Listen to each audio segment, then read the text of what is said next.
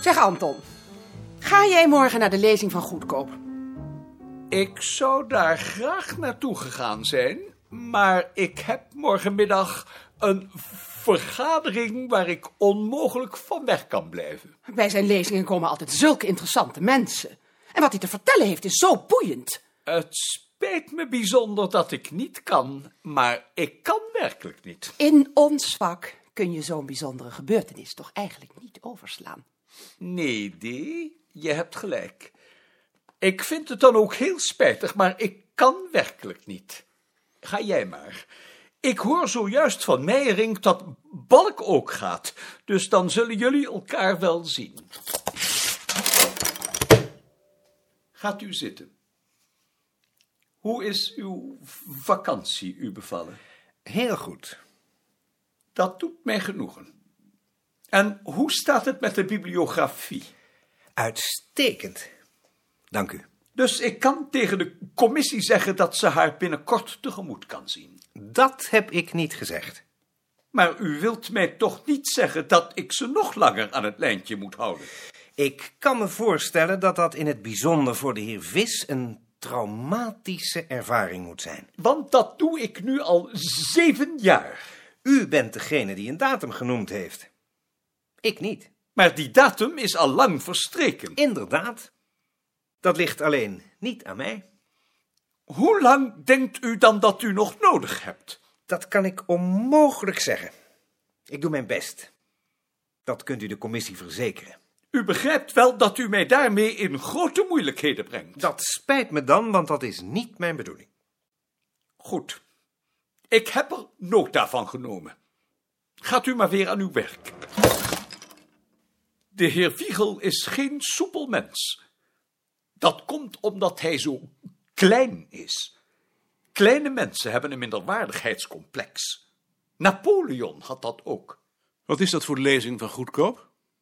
Wou jij daar ook naartoe? Nee, ik vroeg me alleen af waar hij over gaat. De lezingen van goedkoop gaan altijd over hetzelfde. Deze heb ik nu al drie maal gehoord en elke keer vind ik hem weer even boeiend.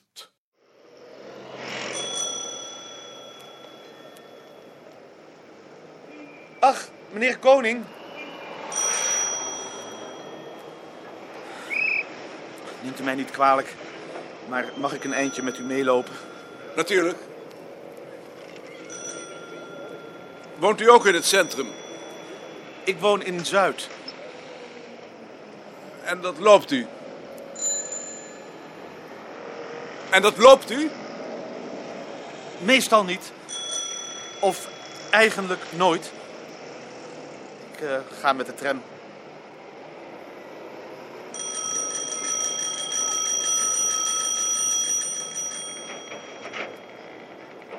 Ik woon op de Lijnbaansgracht.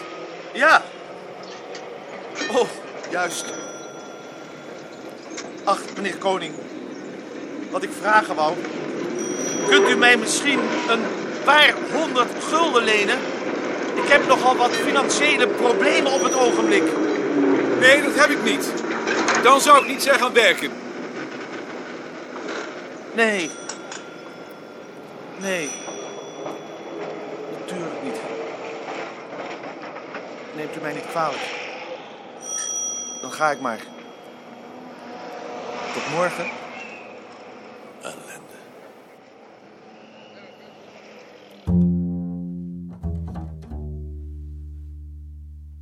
Ter Haar heeft zich bij het bestuur over je beklaagd. Over mij? Je hebt hem zijn schrijfmachine afgenomen. Zijn schrijfmachine afgenomen? Ik heb zijn schrijfmachine helemaal niet afgenomen. Ik heb die schrijfmachine van Nijhuis gekregen. Dat weet ik wel. Je hoeft je dat toch niet zo aan te trekken, jongen. Ter Haar leeft nu eenmaal moeilijk. Maar dat is toch geen reden om zich over mij bij het bestuur te beklagen? Natuurlijk niet. Dat zal ik het bestuur ook laten weten. Daar hoef je je toch niet zo over op te winden. Onrechtvaardigheid wind ik me over op. Morgen. Is Ter Haar er nog niet? Ter Haar heeft zich ziek gemeld.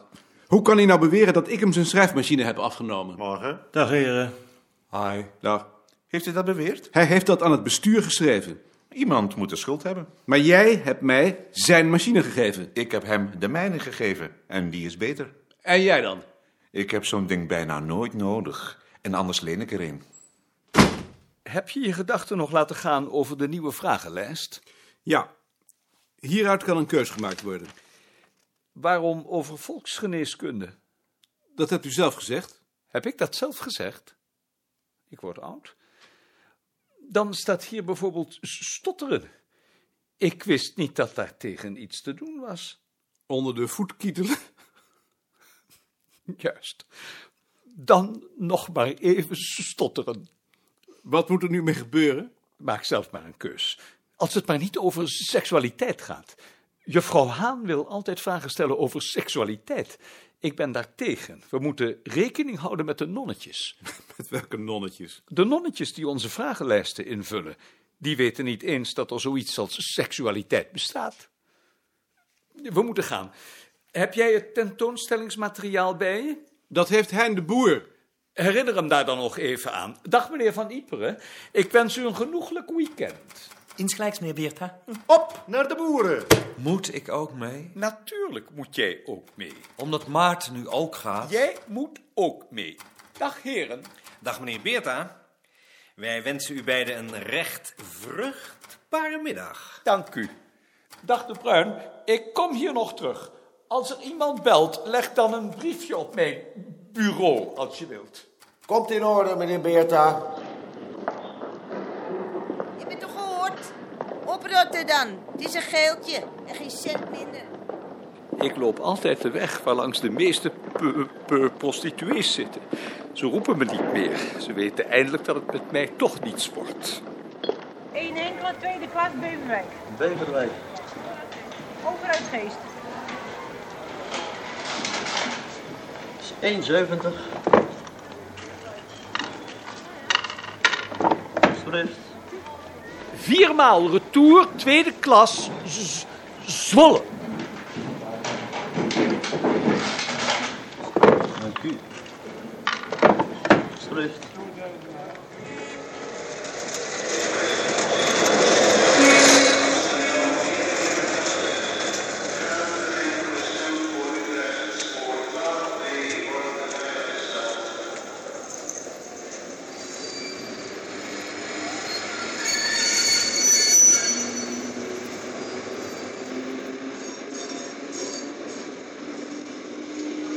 Même que le mal sublime a sa contagion.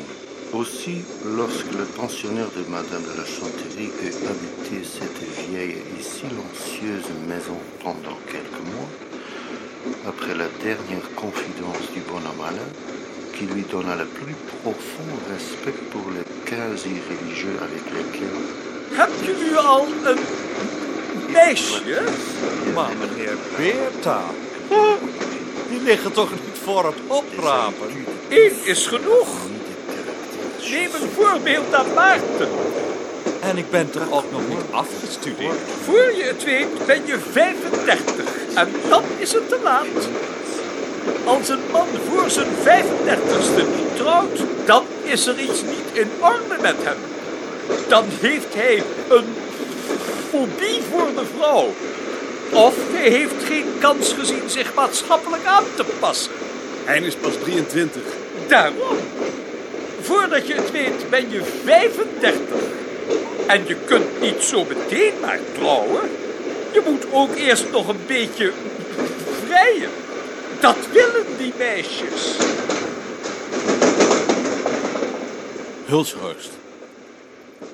Als vergeten ijzer is uw naam. Binnen de dennen en de bittere coniferen roest uw station.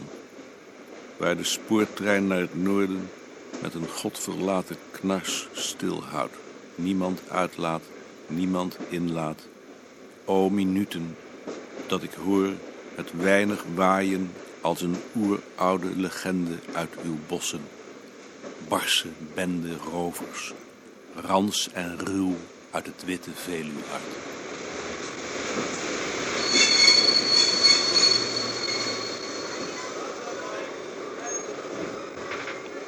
Dames en heren, En jij ook hier. Dames en heren. Dames en heren. Ik heet u allen namens ons bureau, dat ook uw bureau is, van harte welkom. Ik doe dat met zeer veel voldoening, te meer omdat u vandaag in zo grote getalen gehoor hebt gegeven aan onze uitnodiging. Wij hopen dat deze middag niet alleen voor ons, maar ook voor u een leerzame middag mag zijn, in het belang van de wetenschap die wij allen, u en wij, met zoveel toewijding, ieder op onze eigen bescheiden wijze dienen. Voor mij persoonlijk komt daar dan nog bij dat ik mij er bijzonder op verheugd heb dat deze middag juist hier bij u plaatsvindt. Dat zeg ik natuurlijk altijd, maar vandaag meen ik het echt. Voordat ik nu de medewerkers van het bureau aan u voorstel, wil ik een van u in het bijzonder welkom heten. Meneer Van Laar. Hier? Juist, daar zit u. Meneer Van Laar, u bent een van degenen die van het allereerste begin onze lijsten hebt ingevuld. Dat zijn al met al nu al zo'n vijftig lijsten. U hebt dat gedaan met een nauwgezetheid en een uitvoerigheid die menig ander zich ten voorbeeld mag stellen. Ik dank u daar heel hartelijk voor en ik spreek daarbij de wens uit dat er nog vele lijsten mogen volgen. En nu stel ik u dan eerst de medewerkers van het bureau voor. Aan mijn rechterhand zit dokter Haan. De meesten van u zullen haar al wel kennen, want zij werkt al langer mee. Daarbij heeft ze zich op haar terrein, de volkstaal, een grote deskundigheid verworven. Als u straks vragen hebt, kan zij die als geen ander beantwoorden.